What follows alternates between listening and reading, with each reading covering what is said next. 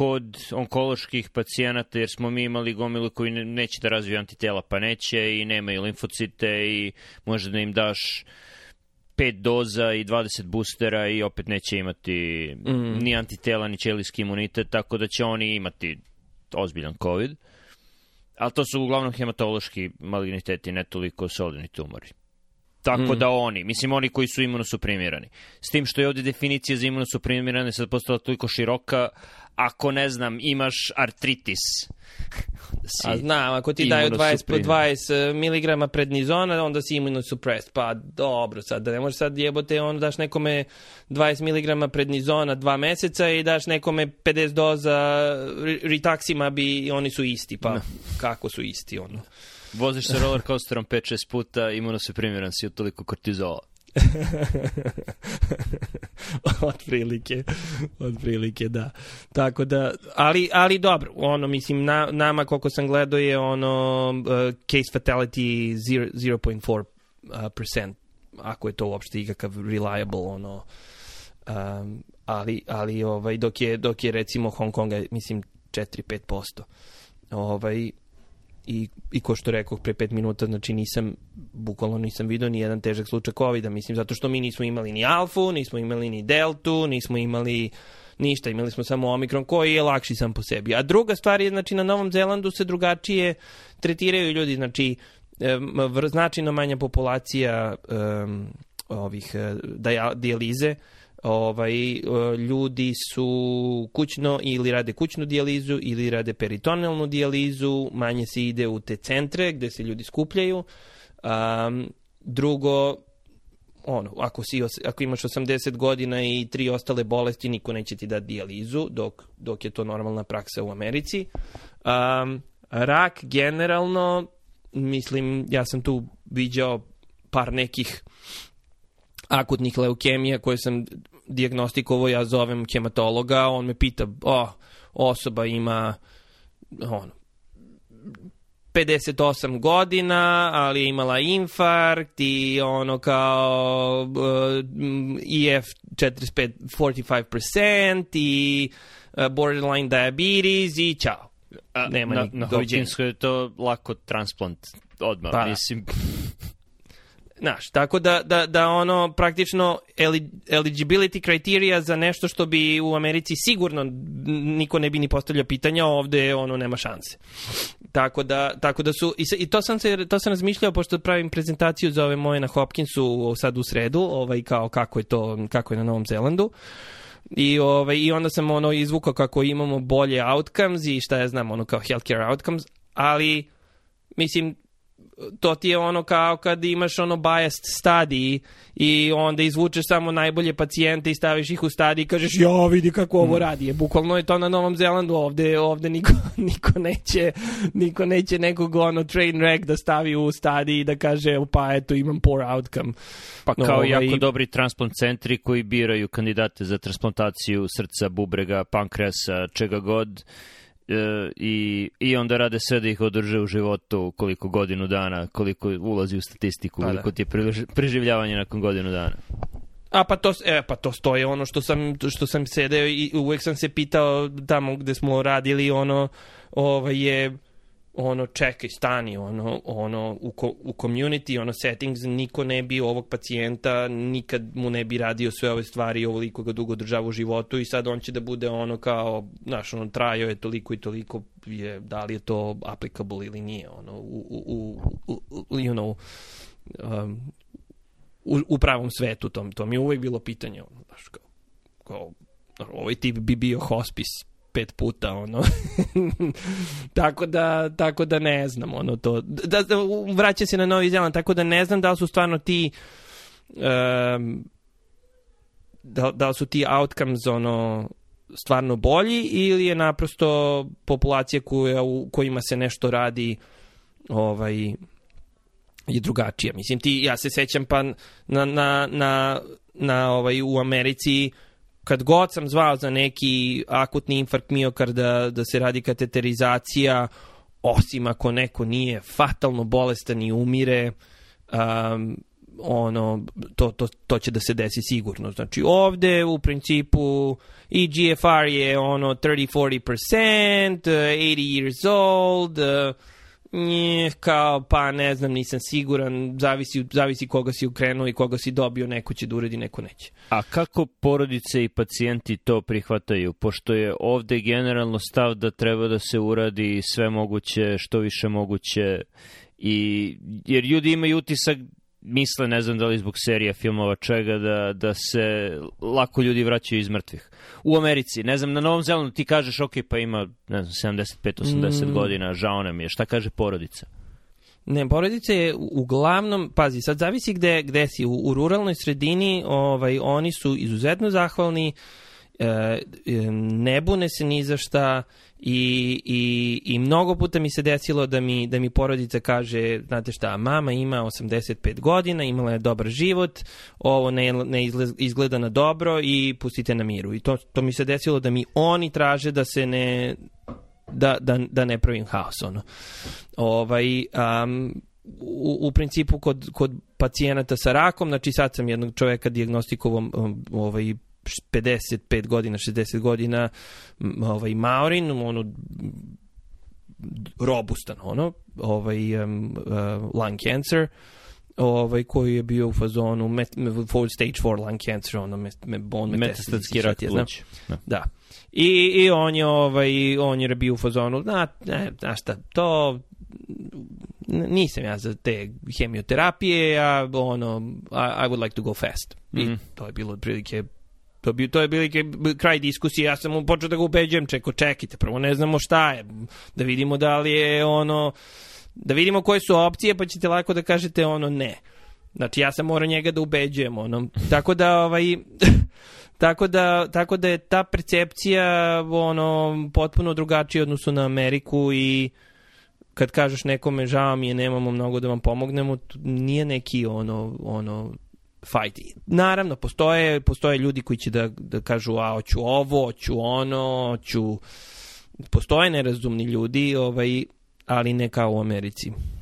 To je u jednom pogledu to je funkcija šta oni očekuju od medicine, a drugo čini mi se da ovde ima mnogo manje sređenih e, međuljudskih odnosa i porodičnih odnosa, jer su ljudi mnogo manje u kontaktu sa svojim roditeljima i onda naročito mm. ona deca koja nisu videla majku oca 10, 15, 20 godina jer žive na različitim obalama i mm. nikad ne dignu telefon, oni se odjednom jave kad čuju da im je roditelj bolestan, pojave se i traže sve što može da se uradi da a... mama i dalje bude tu da bismo raščistili račune jer se nismo čuli 10-15 godina, pa ne može sad da mi umre.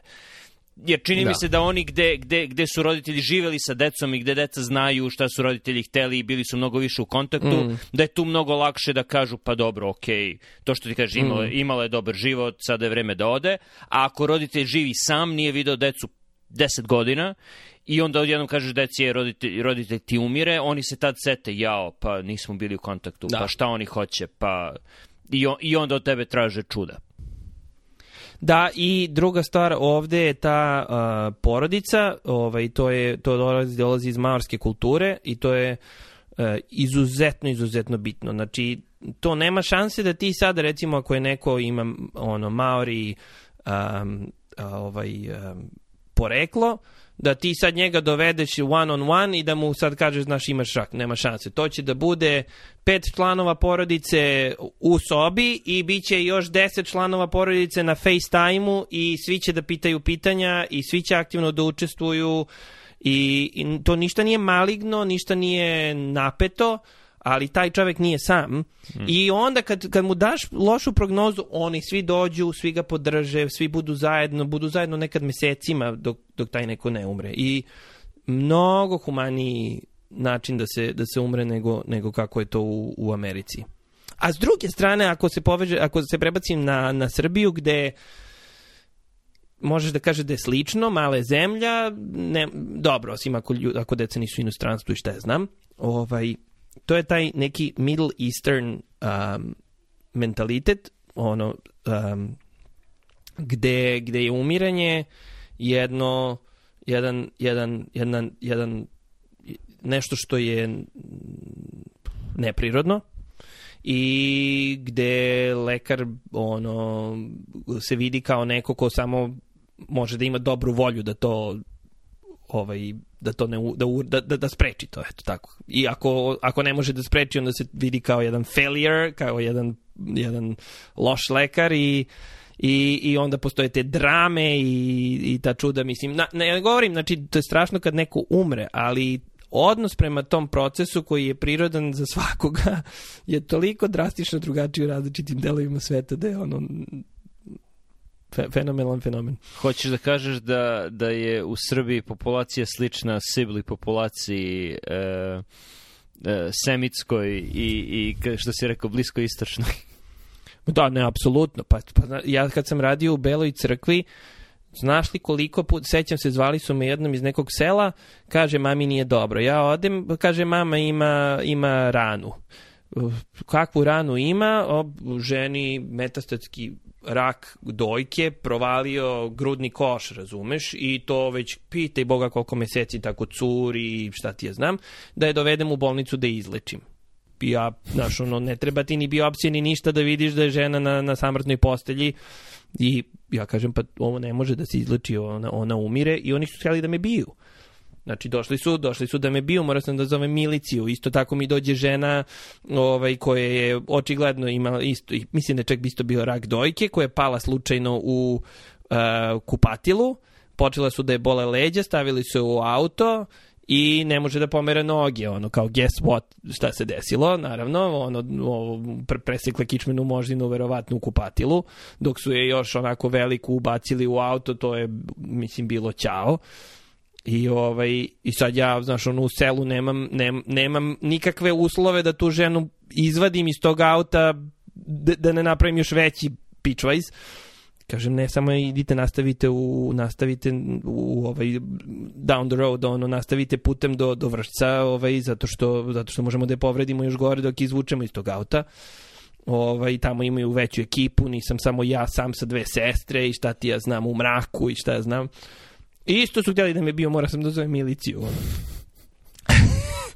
I tako da imaš te neke drame, pa daš ono kao čekaj, ono, naš... Uh, Uh, e, a s druge strane, znači, gledao sam, gledao sam par Twitter postova, neko je napisao kao mama, ono, ima raki, bili su kod onkologa i kaže, onkolog je samo odmahnuo u Beogradu negde, mm -hmm. onkolog je samo odmahnuo i rekao, deset dana nema ništa od toga, ali daćemo je hemioterapiju.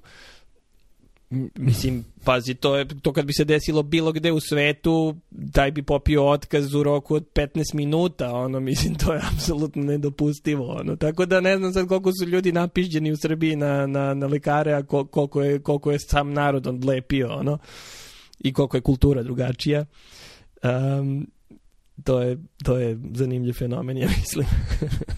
mislim da je, da, Kombinacija, kombinacija verovatno. Zanimljiv fenomen je što se sećam vežbi sa faksa gde kako su se ovi lekari u urgentnom, sećam se toga naročito ponašali prema jadnim ljudima koji tamo sede.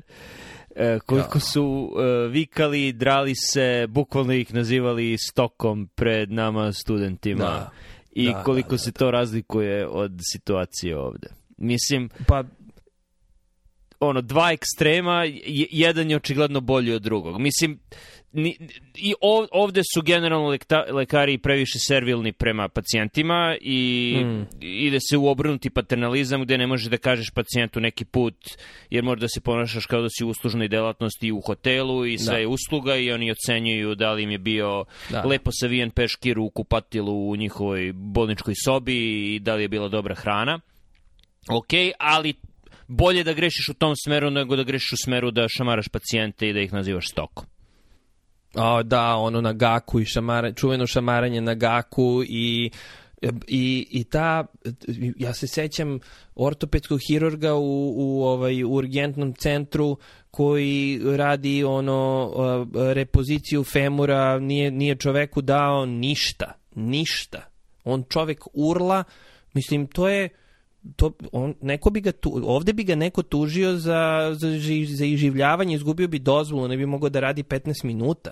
Mislim, i, I onaj patološki strah od uh, morfina, od, e, od lidokaina, se sećaš ono, svi su alergični na lidokain, nemoj slučajno nekom da daš lidokain, osjećam se kad sam iš, kad sam bio mali, više ne idem kod zubara od tada, ono, znači, bušim i zub pola sata na živo, znači, ono, to, to su i, i potpuni nedostatak palijativne negije u Srbiji. Mhm. Znači, naš ovaj, nađen tata koji je umirao od eh, raka pankrasa, njemu nisu dali on, on je jaukao ono celu noć, njemu nisu dali ništa da se ne bi eh, da, da ne bi bio ovaj, eh, da ne bi postao zavistan. Čovjek umire mislim čovjek umire od stage 4 pancreatic cancer, jauče cela bolnica, razumeš, oni neće da mu daju. Mislim, to je... I onda kad neko, kad neko od tih pacijenata u Srbiji dođe sa pištoljem, no. to je sasvim okej. Okay. To je u stvari sasvim okej. Okay. ne znam šta da kažem. Jer ja sam, ja sam u stvari bio spreman da u tom da u tom ono očaju odem tamo i ono napravim A, haos. Ali vidiš kako je to loš ekvilibrijum, jer si pre 10 minuta pričao o situacijama gde si ti mora da zoveš miliciju, jer su se pacijenti ponašali ne baš najbolje u situacijama gde da. si imao razumno nepruženje usluge, jer institucija u kojoj si tada bio nije bila sposobna da pruži uslugu koja u tom trenutku treba tim ljudima. Tako da je ekvilibrium loš u Srbiji, čini mi se. Da, jeste, jeste. Skočio sam sebi usta što se kaže, ovaj, ali opet ono, ali opet ono dođavola, pa ne bih nekome nameštao ovaj, uh, ovaj kuk naživo za Boga. To se radi u operacionoj sali imajmo malo milosti. to je jedna ovaj. stvar, a druga, pitam se koliko je e, protoplazma pacijenata različita u Novom Zelandu u odnosu na u odnosu na Ameriku i Srbiju, jer nekako zamišljam Novozelanđane da su generalno zdravi i da više provode vremena na polju u fizičkim aktivnostima, jer je internet loš na Novom Zelandu generalno, tako da ljudi ne provode puno vremena po, po društvenim mrežama. Ja, ono, planinare, šetaju, plivaju, šta god. Mislim, tako, to je moje naivno mišljenje na Novom Zelandu. Um, šta znam, ne znam. Nisam, to, ne, nemam, ne znam. Ne mogu da napravim neku... Da, jesu, ljudi su aktivni, ali ali sam um, ovaj imao gomilu ljudi, dođe neko, dođe neko ima, če, ima bolu grudima sa 30 godina, to je redovna pojava da, da dođe neko i ima infarkt ono sa 20-30 godina. Uh, onda, onda znaš, ti um, zemljoradnici po Novom Zelandu su non stop izloženi suncu, ne koriste nikakvu mm. zaštitu, znači nikad više melanoma nisam video nego ovde. U stvari u Americi nisam nikad ni video melanom u stvari. Nisam imao ni jedan melanom. Naravno to zato što sam ja hospitalist i zato što nisam bio u populaciji koja, u, u, nisam bio lekar koji diagnostikuje generalnu populaciju, ovde jesam ali ovde ono melanom jednomesečno, dva put mesečno redovna pojava. Ovaj, ljudi ovde dosta konzumiraju alkohol, što sam se potpuno fascinirao kad sam išao da svaki put kad četam e, kikija, ono ne mogu da isključim lekara u sebi, šetam kikija u, u, po komšiluku i onda se iznosi reciklaža i kad se iznese reciklaža onda vidiš e, čoveka koji je za nedelju dana ono akumulirao 20 flaša vina, ono znači ono kao, kao bravo. E, puši se, puši se dosta, ali onda s druge strane nemaš, nemaš intervenskih droga, bog zna koliko, skoro mhm. uopšte, do, do, do, do te mere da sam bio fasciniran da niko ni rukavice ne stavlja ono kad vadi krv. Mm. naprosto nisam imao ni jednog pacijenta za tri godine sa HIV-om. Mm. Um, hepatitis B, hepatitis C tu i tamo se naleti neki, ali, ali ovaj, um, um, tako da je populacija drugačija, tako da ja mislim da se to dođe na isto ovaj, zbog nekih drugih bolesti. Um, ne, ne verujem da su oni, jesu oni outdoorsy, ono, ali, ali, ali nisam siguran da li to toliko pomaže. Ovde, se, ovde, ovde je konzumacija mesa najveća na svetu. Znači, oni, oni, da, da, znači, znači verovo ili ne... si u pravu zemlju, to hoću da kažem. da, da, kao vegetarijanac. Znači, uh, uh, oni, oni bukvalno recimo ispeku jagnje ili prase ili šta god da ispeku i onda ga jedu za doručak, ručak i večeru dok ga ne pojedu. Znači to nije ono kao u Srbiji pa ujutru imaš kačamak pa onda možda pojedeš ono od juče ili šta nekako razumno. Ne, oni, oni će da jedu ono doručak, ručak i večeru ili znaš ono neko ko ima 5000 ovaca, šta misliš šta će da jede? Ono, mislim, ješće samo meso i ništa drugo i onda re, redovno, ono, redovno, ono, ovde, ovde je ovde je čišćenje ovde je pražnjenje creva ovaj normalno mm. 3 do 5 dana, razumeš? Mm. Tako da ovaj mm. i imaju dosta, dosta recimo karcinoma debelog creva i šta ti ja znam. Tako da ja mislim da se to izravnja taj uh, ono healthy efekt ovaj uh, outdoorsy ono efekt se izravnja sa nečim drugim. Ovaj što oni imaju. Housing je isto katastrofa, znači ne, ne možeš da živiš u lošoj kući i da budeš zdrav, um, ako ti je kuća memljiva i vlažna i hladna. I, Zar je tamo vlaga? Da, Pa kako nije, mislim, za neko ko živi u selu u šumi, mislim, vlažnost je pogotovo u kuće su, mislim, evo moja kuća, ono u kupatilu izlazi buđe, ono, mislim, koja je poprilično suva. Komšija dole koji je dole 100 metara od mene, on je u dolini, u, baš u parku, u šumi, nje, nje mogu misliti šta je njemu u kupatilu. Ovaj. Mm. Ovaj, tako da... A kak, da li imaju da li imaju prave kuće ili su od e, šper ploče iverice? Ma, šper ploče iverice, naravno, i to je, to je, uh, oni su tek sada promenili taj housing code, tako da se očekuje da će, da će kuće biti krštene tek za 20 do 30 godina. Prilike treba, tako kažu, da bi standardna prosječna kuća imala um, se promenila, mora prođe nekih 20 godina od menjanja zakona ovaj, koji su promenili prošle godine ili tako nešto. Tako da, ovaj, da ne govorimo što je Novi Zeland jako, jako zavisi od uvoza mm. sirovina, znači to nije kao ono uđeš uh, uđeš u Home Depot i kupiš ono daske za 3 dolara i napraviš šta go renoviraš šta hoćeš ako hoćeš sam za, za ništa. Ovde uđeš u, uđeš u, oni imaju Maitre 10 i onda kupiš dasku i onda ti ode plata.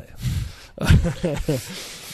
ovaj, tako da Tako da je to velika, velika, ono, veliki minus. Da ne govorim, da ne govorim da su cene um, tih istih kuća, znači recimo ova kuća mislim iz 60-ih godina koja je bila prodavana za verovatno nekih 80-100 hiljada, sad je milion.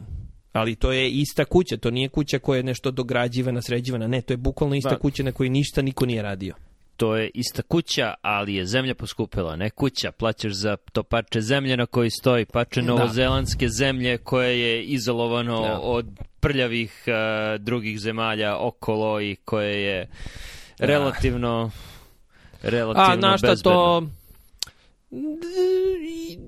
ne, pazi, neke stvari su prednosti Novog Zelanda, ali kad pogledaš recimo ono Teenage Suicide um, je najveći na svetu, i ono teenage pregnancy je ogroman um, ovaj tako da o, škole su škole nisu škole im postoji jedna ta postoji ta neka britansko novozelandska kultura koja um, koja u kojoj je taj bullying um, ok mm. um, i, i deo je društva. Ovde, ovde je poznat taj tall poppy uh, sindrom, znači gde se ljudi ono ljudi koji su ambiciozni se ono cut down.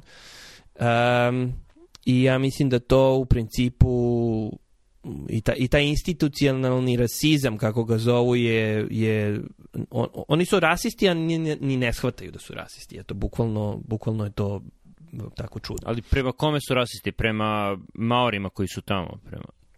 Pa, na primjer, oni, oni će da, recimo, ja se pojavim, radio sam na NH, radio sam na Hopkinsu, mm, da, u ruralnoj sredini posao je, mogu da nađem posao zato što su očini i niko neće tamo da radi. Mm ali onog trenutka kad sam počeo da tražim poslove po većim gradovima, univerzitetskim centrima, na, ne, neće to tako lako da ide. Mm. Um, I onda uzme, recimo, uzme i zaposli pre mene nekog klinca koji je tek završio ono residency sad. Negde u Australiji njega. ili gde, na Novom Zelandu. Pošto oni Ne, ne, nemaju, zaposli oni na- nemaju medicinske fakultete na Novom Zelandu. Ili imaju? Ne, ne, imaju, imaju jedan, dva, imaju, imaju bar dva, koliko ja znam, imaju Oakland i Otago. Ovaj, um, um, ali, ali i, i druga stvar, druga stvar, ovaj, eh, rezidenti su uh, u Uniji, svi su u Unijama, znači lekari su u Unijama, rezidenti su u Unijama, i Sindikatima. ta, ali ta, da, da, sindikatima i I to je toliko toli, to je toliko jako da oni imaju izuzetno limitirane uh, ovaj um, uh, onaj working hours. Znači ne možeš ti njemu nekome ne kažeš ono sad ostaneš da radiš dok ti ja ne kažem ili znaš ono, ono što smo u Americi kroz što smo prošli da radiš dok, dok ne pocrniš ono. Ovaj i, i on, on može da ti kaže šta hoće. I onda, onda, se, onda se to odražava na njihovu zainteresovanost da uče jer mnogo puta ja krenem nešto da da im objašnjavam, krenem nešto, ono, izvadim neki ono rad ili nešto, krenem kroz nešto i vidim da, da nisu zainteresovani uopšte. I, i onda, onda se to odražava na tebe jer onda ti nemaš neku motivaciju pa što bi sad ja ovaj, nekoga ko nije zainteresovan učio bilo čime.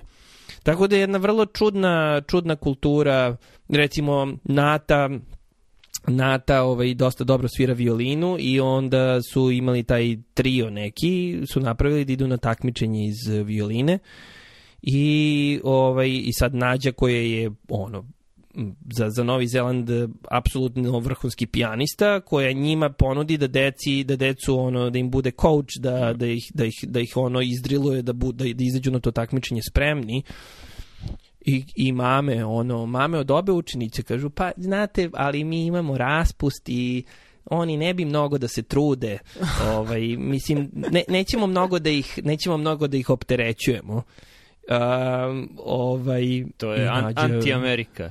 Anti-Azija An- generalno. Anti, anti, kad, kad, znači, anti, anti sve. Ono, znači, čak i u Srbiji, de, znaš, ono, deca, deca bre, ono, izađeš na takmičenje, hoćeš da sviraš ono dobro, ni, znači, ono, možda nema ko da ti pokaže, ali uh, ali se trudiš, ono. Ovaj, ovde, ovde niti ima ko da ti pokaže, niti, ovaj, niti ko hoće da se trudi. I tako je, tako je u svemu. I, i to me, to me, ovaj, em, to me, to me mnogo jede zato što je to ono veliki red flag da, da u takvoj sredini Mm. deca odrastaju. Mislim, mi, moje deca su već prerasla tu sredinu i već nemaju nemaju, nemaju šta više od te sredine. Da, u početku je bilo super zato što ono što je dobro je ja njih, ja njih pustim, ja nemam pojma gde su. Ne. Znači oni su tu negde u nekom komšiluku, ali znam komšije će da me zove ako nešto ili su u parku ili to je ono kao kad smo mi bili klinci i to je ono priceless, to je, to je nešto što više nema nigde. To je dobro, ali, ali onda edukacija je kriminalna. Mm. Kriminalna, tako da Dobro, Tako kad, da, kad ovaj- idete u Australiju? idemo sledeći mesec da vidimo kako je ovaj, ovaj tako da vidjet ćemo, da, vid, da vidimo kakav je vibe, kakav je ono, kakav je osjećaj. A, a ako to ne, ne bude ništa, onda, Onda, onda ćemo se da vidimo ovde uskoro. onda se vidimo opet ovaj jedino jedino što ono ono mislim postajem amator da budem hospitalist pravo da ti kažem i Pa završi neki Ovaj. fellowship, šta? Pa znam, ali to je 50.000 dolara kako da izdržavam porodicu u Americi za 50.000 dolara, od toga ti pola uzmu, to je ono, ne znam kako bih... e. Mm, Budi, budi fellow na NIH, to, to se bolje isplati. Pa ne znam, ne znam, mora bi da, mora bi da, da, mora bi da, ovaj, um, mora bi da razmislim. A drugo, pravo da ti kažem, na što razmišljao sam ja o tome, ali to je, to je sve taj, um, kako bih rekao, um, ulaziš u neke, svaka specijalizacija manje više je edukujete za neku rutinu i onda kad Mhm. uđeš u tu rutinu, to je onda rutina. Znači, viđeš o, limfoma, limfoma, limfoma, limfoma, zna ovom ću da dam ovo, ovom ću da dam ovo. Manje više se postane rutina. Mene polako počinje da zanima ovaj, em, uh, zanimaju stvari ono što se, ovaj, na primjer, vina i um, mm -hmm. bavi i, i, i, i ljudi ulaze u research sa nekom, znaš, uđe u research i sad mora da publikuje ovo ili ono, to, to mene, mene zanima da imam, da radim nešto što ima veliki impakt eh, za, za ljude. Znači, mrzi me da idem više ono pacijent po pacijent po pacijent po pacijent, radije bi da uradim nešto što će da ima veliki uticaj na, na, na, na, na više ljudi. Um, tako da se razmišljam tako da se razmišljam na tu temu da odem na neki Master of Public Health, pošto bi to bilo kompatibilno sa duplo da se radi posao, pa onda iz toga da, da mogu da krenem nešto da radim. Da, to je dobra stvar kad si hospitalista, valjda uh, imaš malo bolju kontrolu nad satima, naročito kad nemaš pacijente svoje u klinici na čija pitanja mora da odgovaraš 24-7, da. nego možeš da radiš, ne znam, uh, pola ili četvrtinu vremena, mm. jednu, četiri da. nedelje, kako god, a ostatak vremena možeš da popuniš čime god hoćeš, što je. Okay. Da, da, pogotovo ovde, ovde mi je vrlo zgodno jer mi je ovaj uh, imam sve je pokriveno rezidentima i onda sam više supervizor i teacher nego što sam nego što sam ono ono klasični hospitalist koji sedi, piše note, pre, ono, prepisuje recepte, radi sve živo, ono kao u Americi. Tako da mi to daje veliki, veliku količinu vremena koju mogu da potrošim na, na ovaj na edukaciju. Tako da se razmišljam, odnosno ne razmišljam se, nego ću sigurno da, da krenem, krenem u tom pravcu, ali, ali pokušavam da, da, da to napravim, da bude, da imam satisfakciju toga. Hmm. A ja sam vrlo praktičan u principu, ja nemam satisfakciju da zalepim sebi profesor, doktor i da ego mi nije nikakva satisfakcija, volao bi da imam, da uradim, nek, da uradim jedan paper godišnje koji će da bude kao, u je, vidi šta ovaj tip uradio, vidi čega se setio, vidi kako je ovo zanimljivo. Znači, to, to, to je ono što bi mi a, ali mislim da za to treba, on, to je ona mana što ja mislim da za to trebaju dobri mentori, Uh, više nego, mislim da svaka budala može da sedne da nauči epidemiologiju i statistiku, mislim to nije neki problem, ali mislim da za to trebaju dobri mentori koji će da ti govore ono i, i, i to me muči što ne znam gde da nađem takve ljude. To je, dobro si to primetio, jer kažu kao, a, svako, mo, svako može da, da padne na pamet ideja, bitna egzekucija, bla, bla, bla, ali to baš nije tačno, mislim da nedostaje dobri, nema, do, nema dovoljno dobrih ideja. To je, jer kad vidiš da, da radovi koji se obeljuju su uglavnom preživanje stvari koje su već po 50 puta objavljene i ne, ne, nema dovoljno originalnih pitanja koje ljudi postavljaju. To je, to je najbitnije. Da dobro formulišeš mm. pitanje, da, da može da kroz jednostavnu metodologiju ili možda ne, nekad ne toliko jednostavno da se dođe do odgovora koji će da promeni nešto.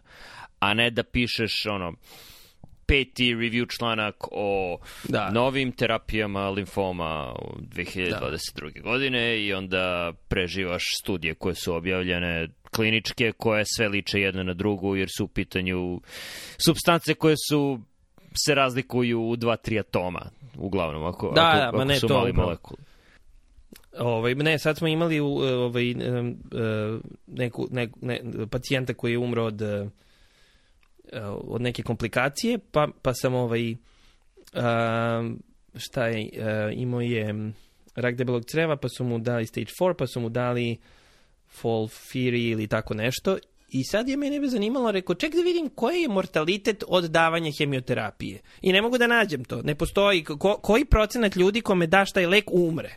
On umre u narednih 30 dana ili... Ja rekao, pa, pa čekaj, kako ovo sad?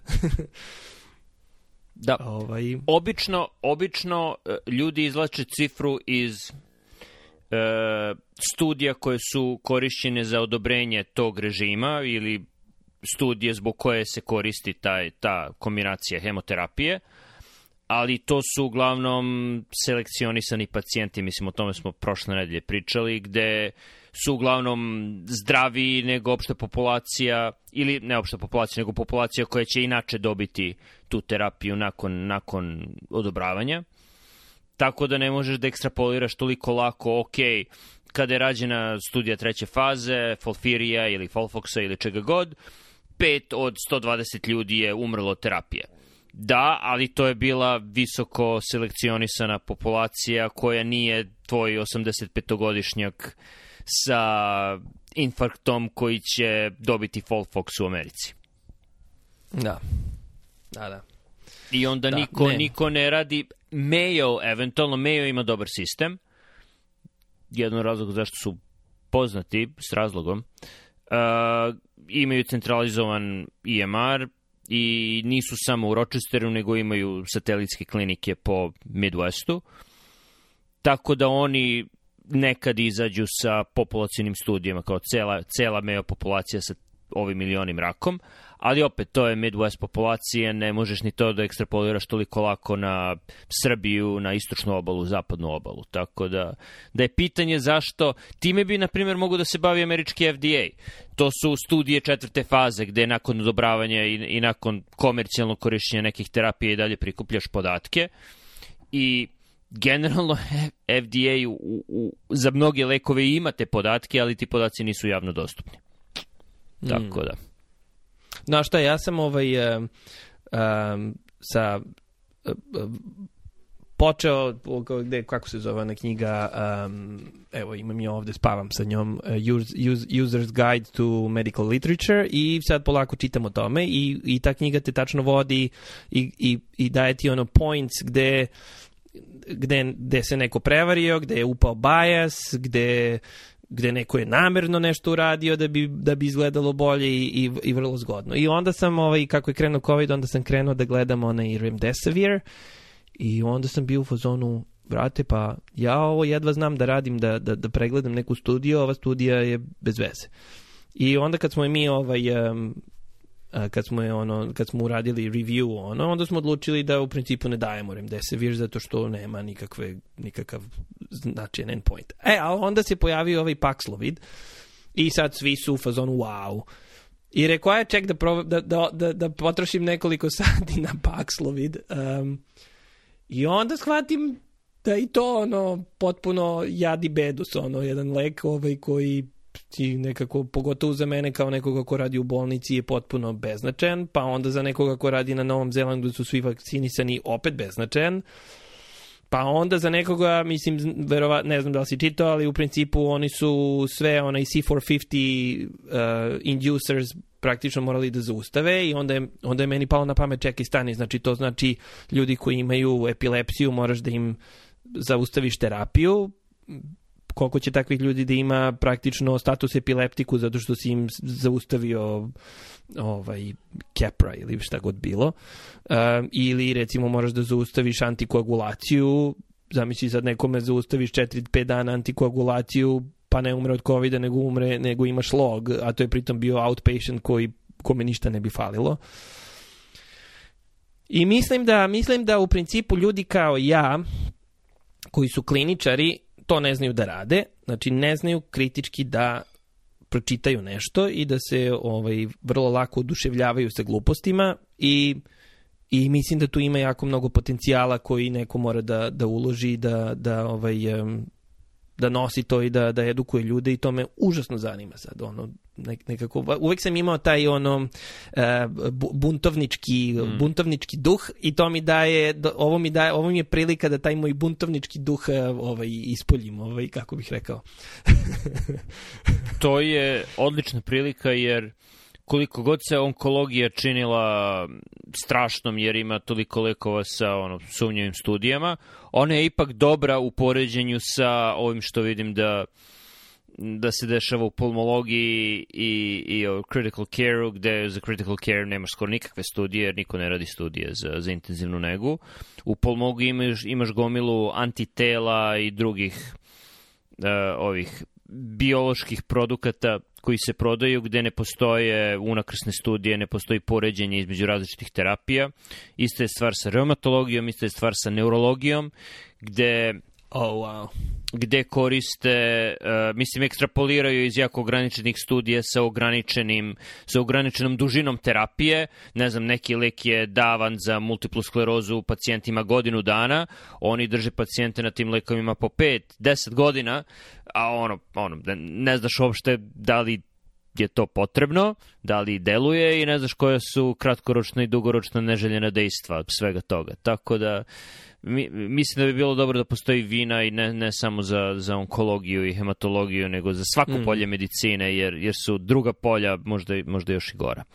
Jer bar u onkologiji imaš konkretan objekt, o, objektivno merilo e, delotvornosti leka, to je preživljavanje. Ako ti pacijent umre od raka, lek ti nije delovao, žao mi je. Uh, ali, ne znam, u neurologiji gde postoje hronična oboljenja, ono, multipla skleroza, ljudi žive sa njom po 20-30 godina, mijastenija, ljudi žive sa njom 20-30 godina, ne umiru od nje, ali deluje na kvalitet života.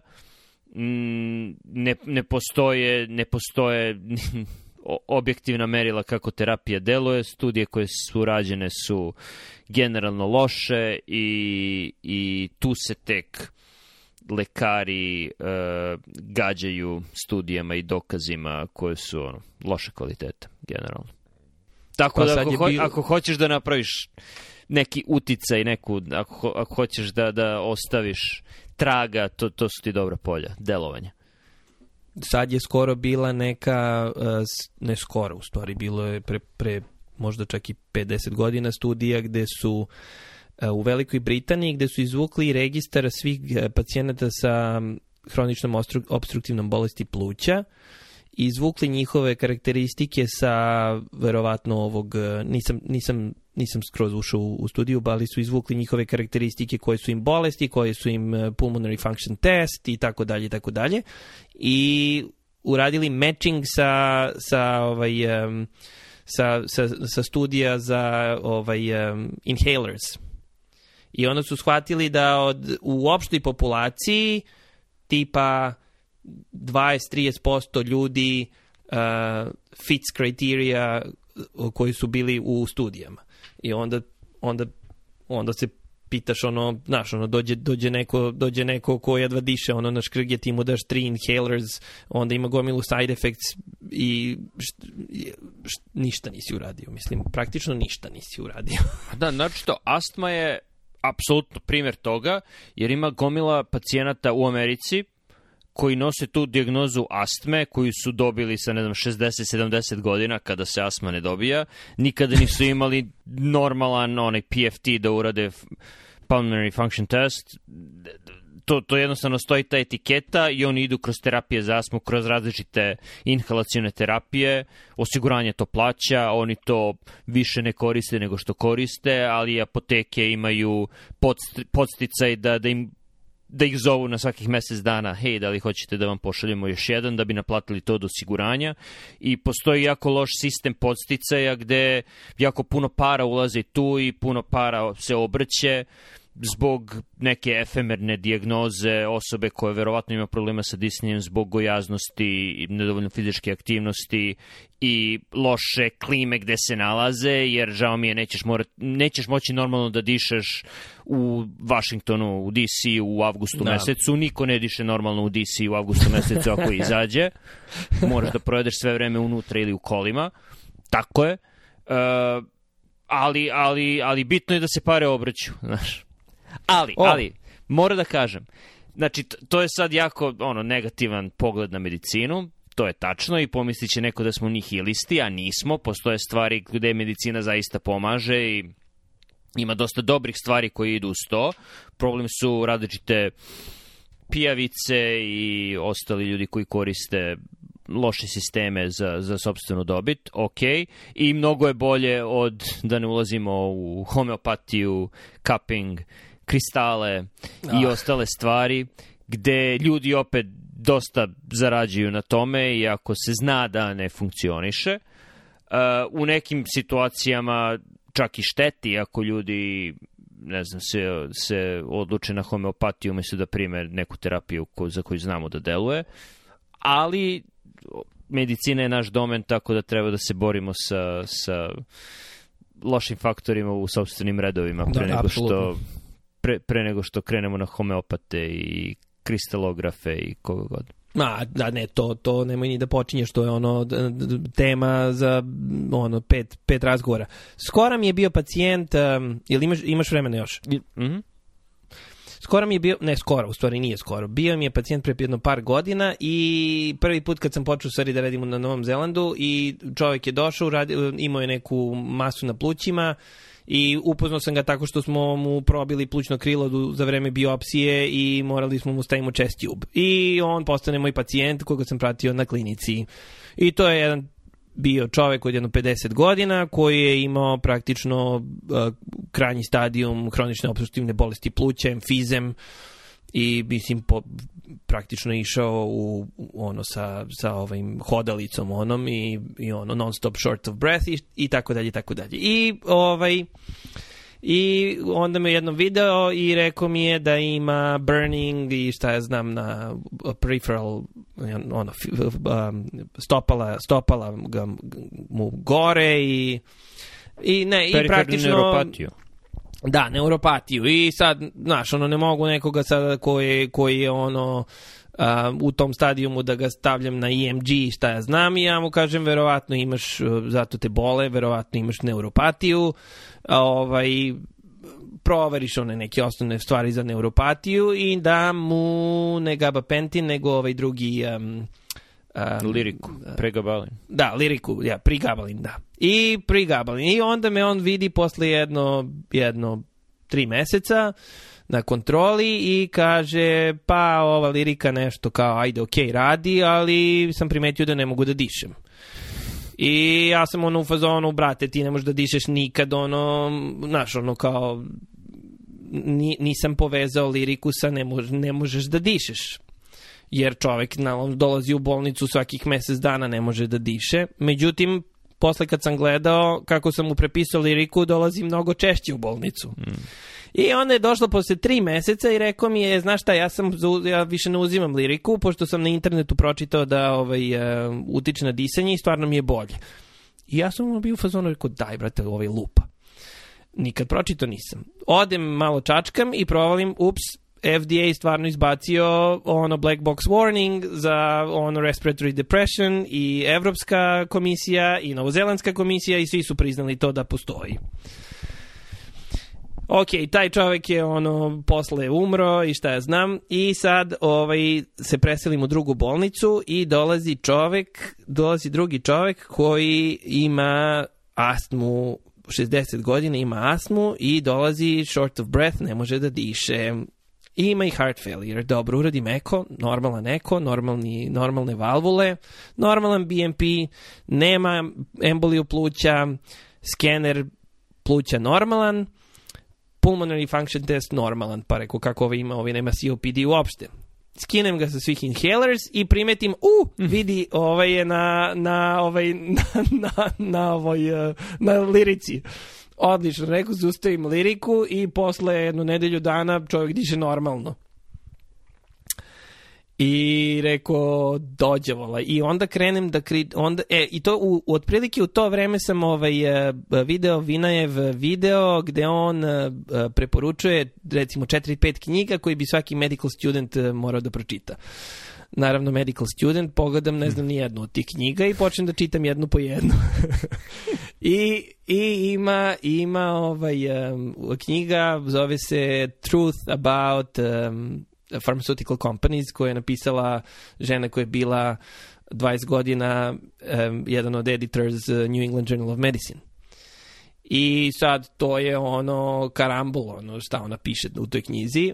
Međutim, ceo, ceo ovaj um, član, cela poglavlje ima o gabapentin i lirika, gde su gde su oni praktično vidjeli da, da su bili na kraju ovog um, patenta i onda su smislili ovaj da objave nekoliko ono polu fake ono um, researcha gde su neki ono big shots potpisali se dole za recimo bolove u leđima, za, za ne znam, um, ono, restless leg syndrome, za PMS, za, za koje kakve budalaštine. Generalno analgetski efekat, znači znaš da padatina nega na NIH-u nikada nije uradila konsulta da ne pro, preporuče gabapentin da bi da. lečili neuropatsku komponentu bola da, da, koji pacijent da, da, sa rakom da. ima. To, to se deli kao ništa.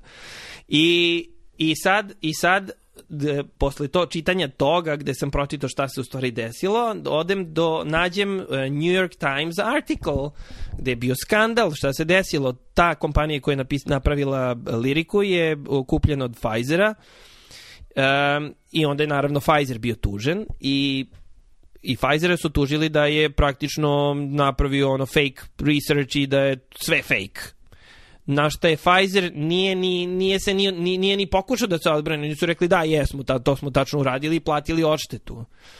A što, što, to je otprilike što bio da je recimo od tog leka su zaradili 2 biliona, odšteta je koštala 100 miliona i oni su bili dobri i opet, mislim, to je naprosto deo računice da se pa to da. plaća. e, vidiš, i takve, tak, to, to me toliko fascinira, ovaj, jer, jer, jer uh, uh, tri sata kasnije sam imao ženu koja je ono iskrenula nogu, došao ortopedski hirurg, snimio je levo i desno, rekao kosti su, kosti su u redu, uh, evo ti gabapentin i ja sam mu rekao idi udavi se u ono dole u reku, ono ajde nosi se, ono čao.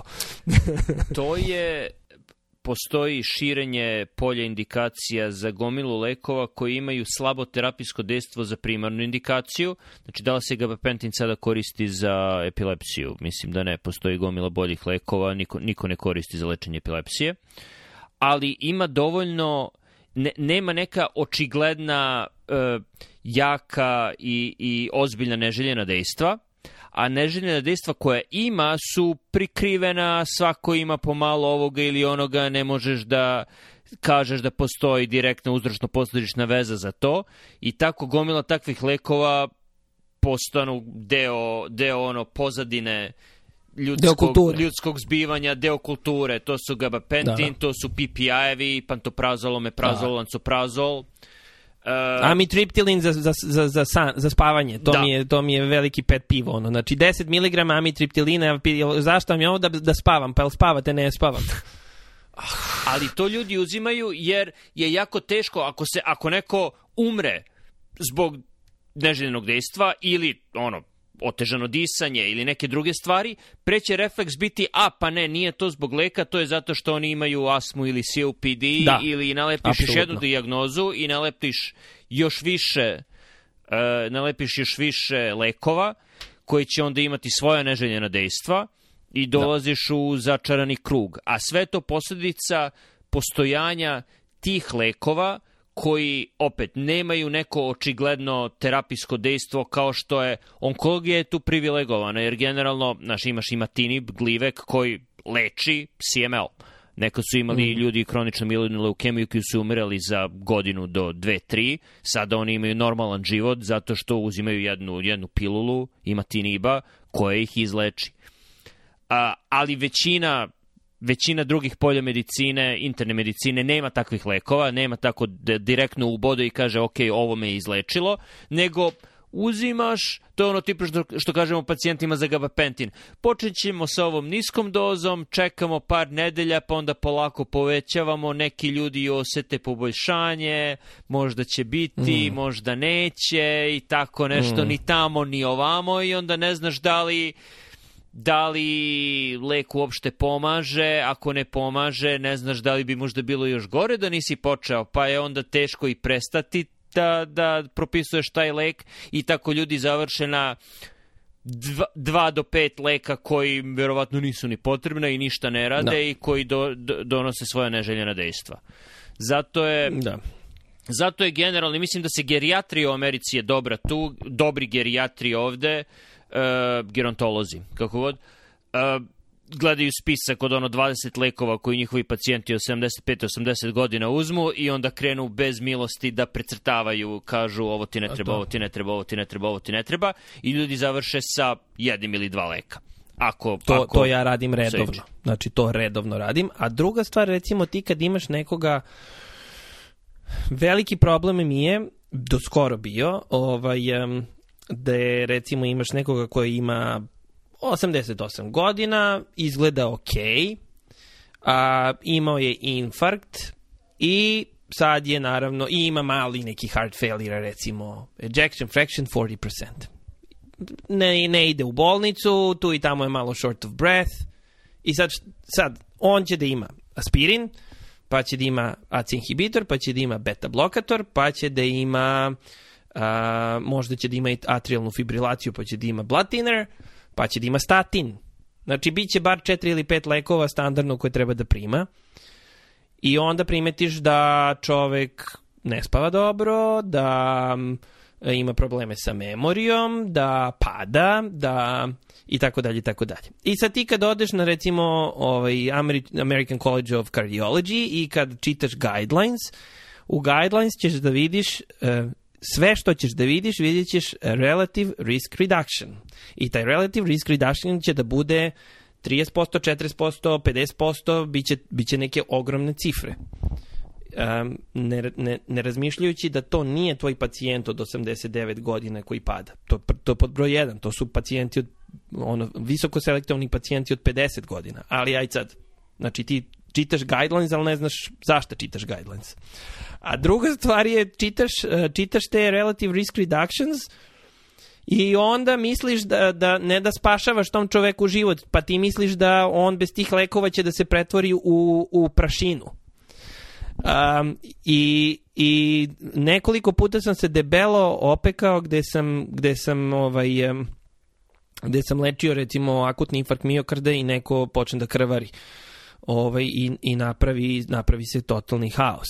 I, I onda sednem i razmišljam, čekaj, da, da, imao je mali infarkt, ali od tog infarkta od tog infarkta verovatno ne bi umro, a umro je od ove terapije što smo mu dali. Zašto? Zato što smo svi verovali da ćemo da mu pomognemo i da će duže da živi, a u stvari je umro od te terapije. I, i I onda sam počeo da čitam i sad recimo skoro izašla neka studija za statine, za, za statine gde su gde su meta-analiza gde su gledali um, absolute risk reductions i praktično sekundarna prevencija uh, kod akutnog infarkta miokarda mortalitet se smanjuje za 2% ili tako nešto, 2,3%. Znači, to je u sekundarnoj prevenciji, u primarnoj prevenciji, znači neko ko samo, ko, ko nije ni imao, Promili, to su 0,9%. Znači, I mislim da je to toliko bitno da ljudi shvate šta rade da ne bi, da ne bi nasilno radili stvari i, i mislili da pomažu. Toj babi koja ima 89 godina koja je ono, ono i, i prešla, prešla life expectancy odavno je mnogo bitnije da ima kvalitet života, da ustane ujutru, da lepo spava, nego da će da da capi od, od infarkta um, mesec dana ranije nego što bi inače capila. To je bukvalno na tom nivou. Da. Um, I to je, to je, to je jedna fa fascinantna jedna percepcija o tome šta stvari rade, a šta mi mislimo da rade. Ne ulazeći u problematiku toga da su sve statinske studije rađene od proizvođača, pa su verovatno overreported i, i, i overestimated, ne, i pa, ali čak i sa e, tim. Bias publikacija gde ne znam Pa da. koliko je studija rađeno za koje nisu imali nikakvu obavezu da prijave da su radili studije, gde ne, obi, ne objaviš podatke i to je sakriveno. Gde Da, je, da. mislim, klasičan primjer Tamiflua, gde se zna da je od Ah, da. XY studija koje je urađeno, samo su dve, tri koje su imale pozitivne rezultate objavljene, ostale su bile prikrivene i bilo je suđenje i itd. itd.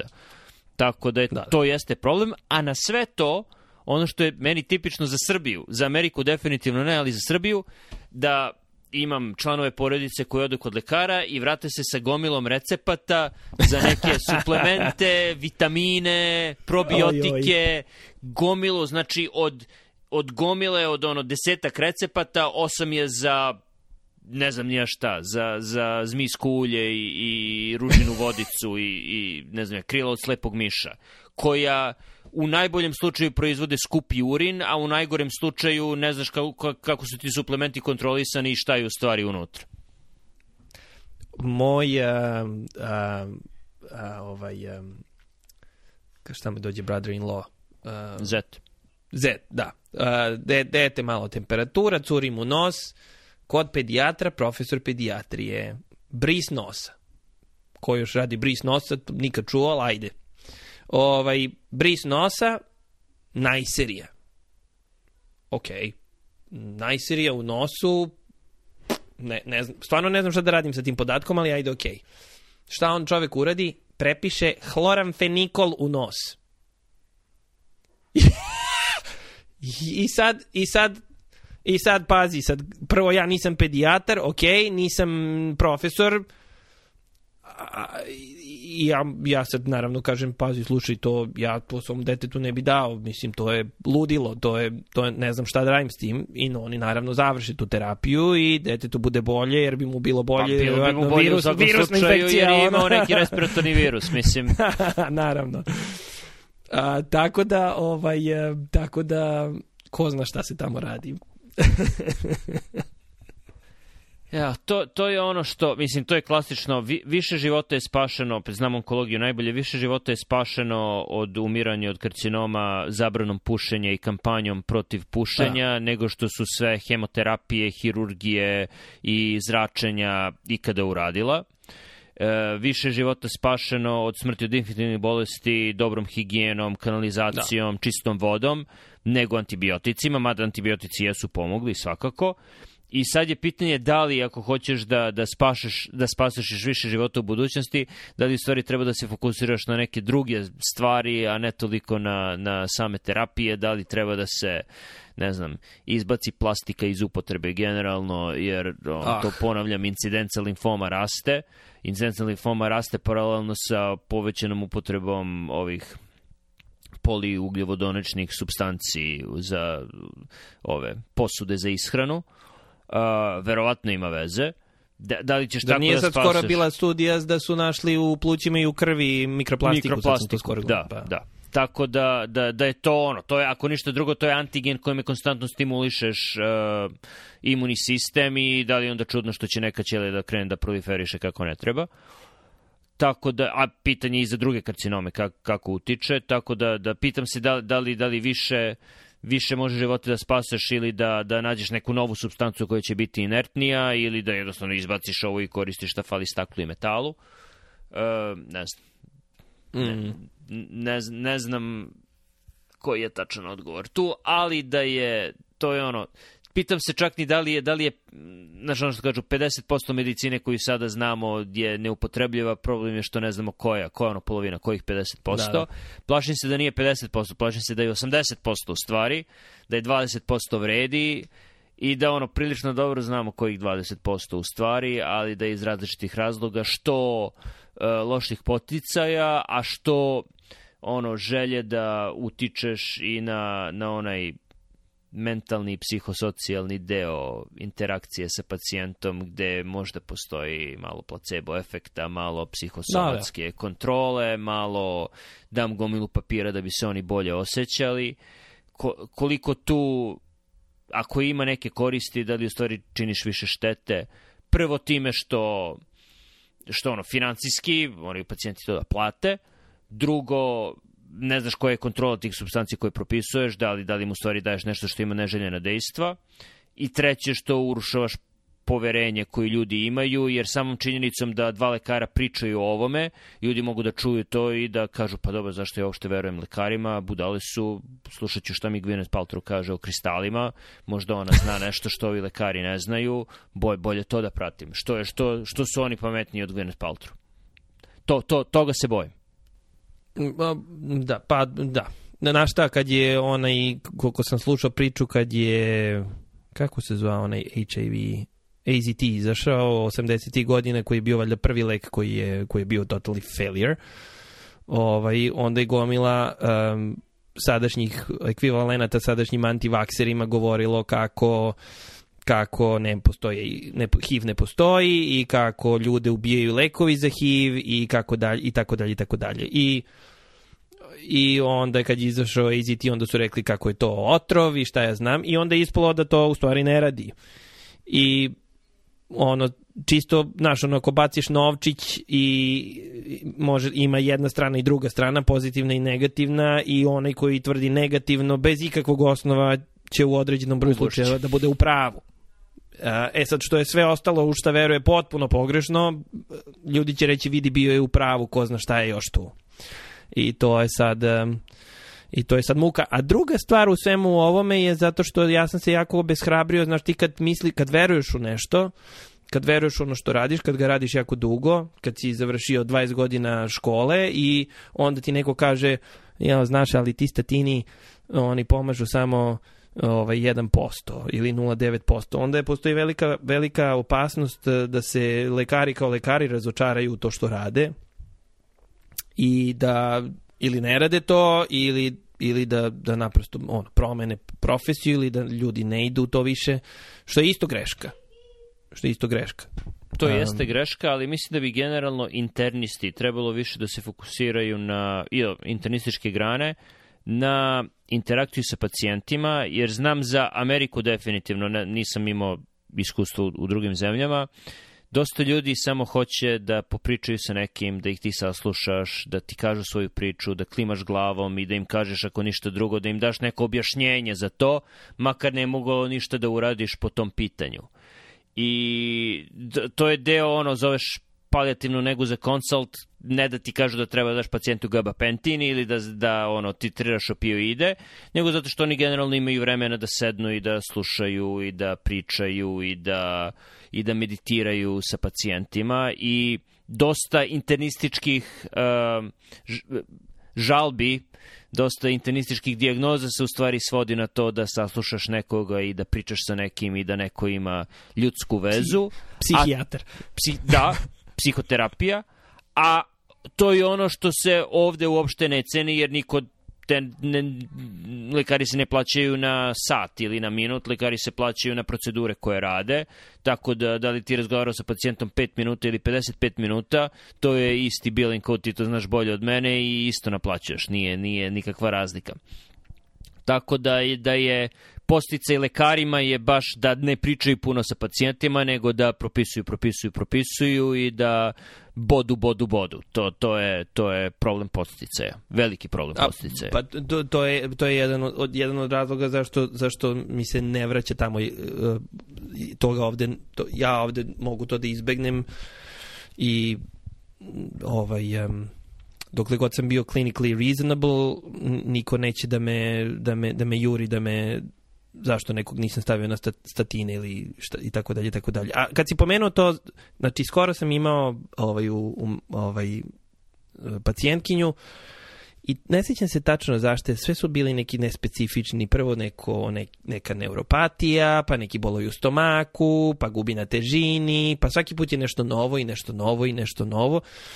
I šta go, znači, tu ženu sam i snimao i istestirao uh, nije više bilo šta da se uradi na njoj i I, I čak sam teo da je otpustim sa klinike i ne znam zašto sam je držao na klinici, valjda sam se frustrirao zato što nisam mogao da provalim šta je i razmišljao sam sve vreme da li da je pošaljen kod nekog drugog i šta ti je znam. I uglavnom dolazi situacija u kojoj ja odlazim sa tog mesta, dam otkaz i rasturam kliniku i sad je poslednji, poslednji put da se vidimo na klinici I ja i kažem, znate šta, ovo je poslednja, ovaj, poslednja eh, ovaj, follow up, znači ja odlazim odavde, idem u, u, u Wellington i žena me zagrali i počne da plače. I ja sad ono u fazonu kao, je, šta, šta je sad? I kaže mi, pa znate šta, meni je toliko značilo da dođem ovde i da se ispričam sa vama i, i niko me nikad nije slušao i, i to mi je bilo mnogo značajnije nego bilo šta, ono, znam, znam da ste se trudili da, da, da nismo mnogo daleko, ali to mi je bilo, jedva sam čekala da dođem. I, i upravo to je rekao, dođi, znaš ono, prepoznati taj moment i samo čutati i slušati može da bude mnogo lekovitije od svih skenera koji sam ju radio i nisam našao ništa mislim, možda sam nešto neretko ono, nisam uhvatio, ali u principu to je ono što je njoj trebalo. Apsolutno.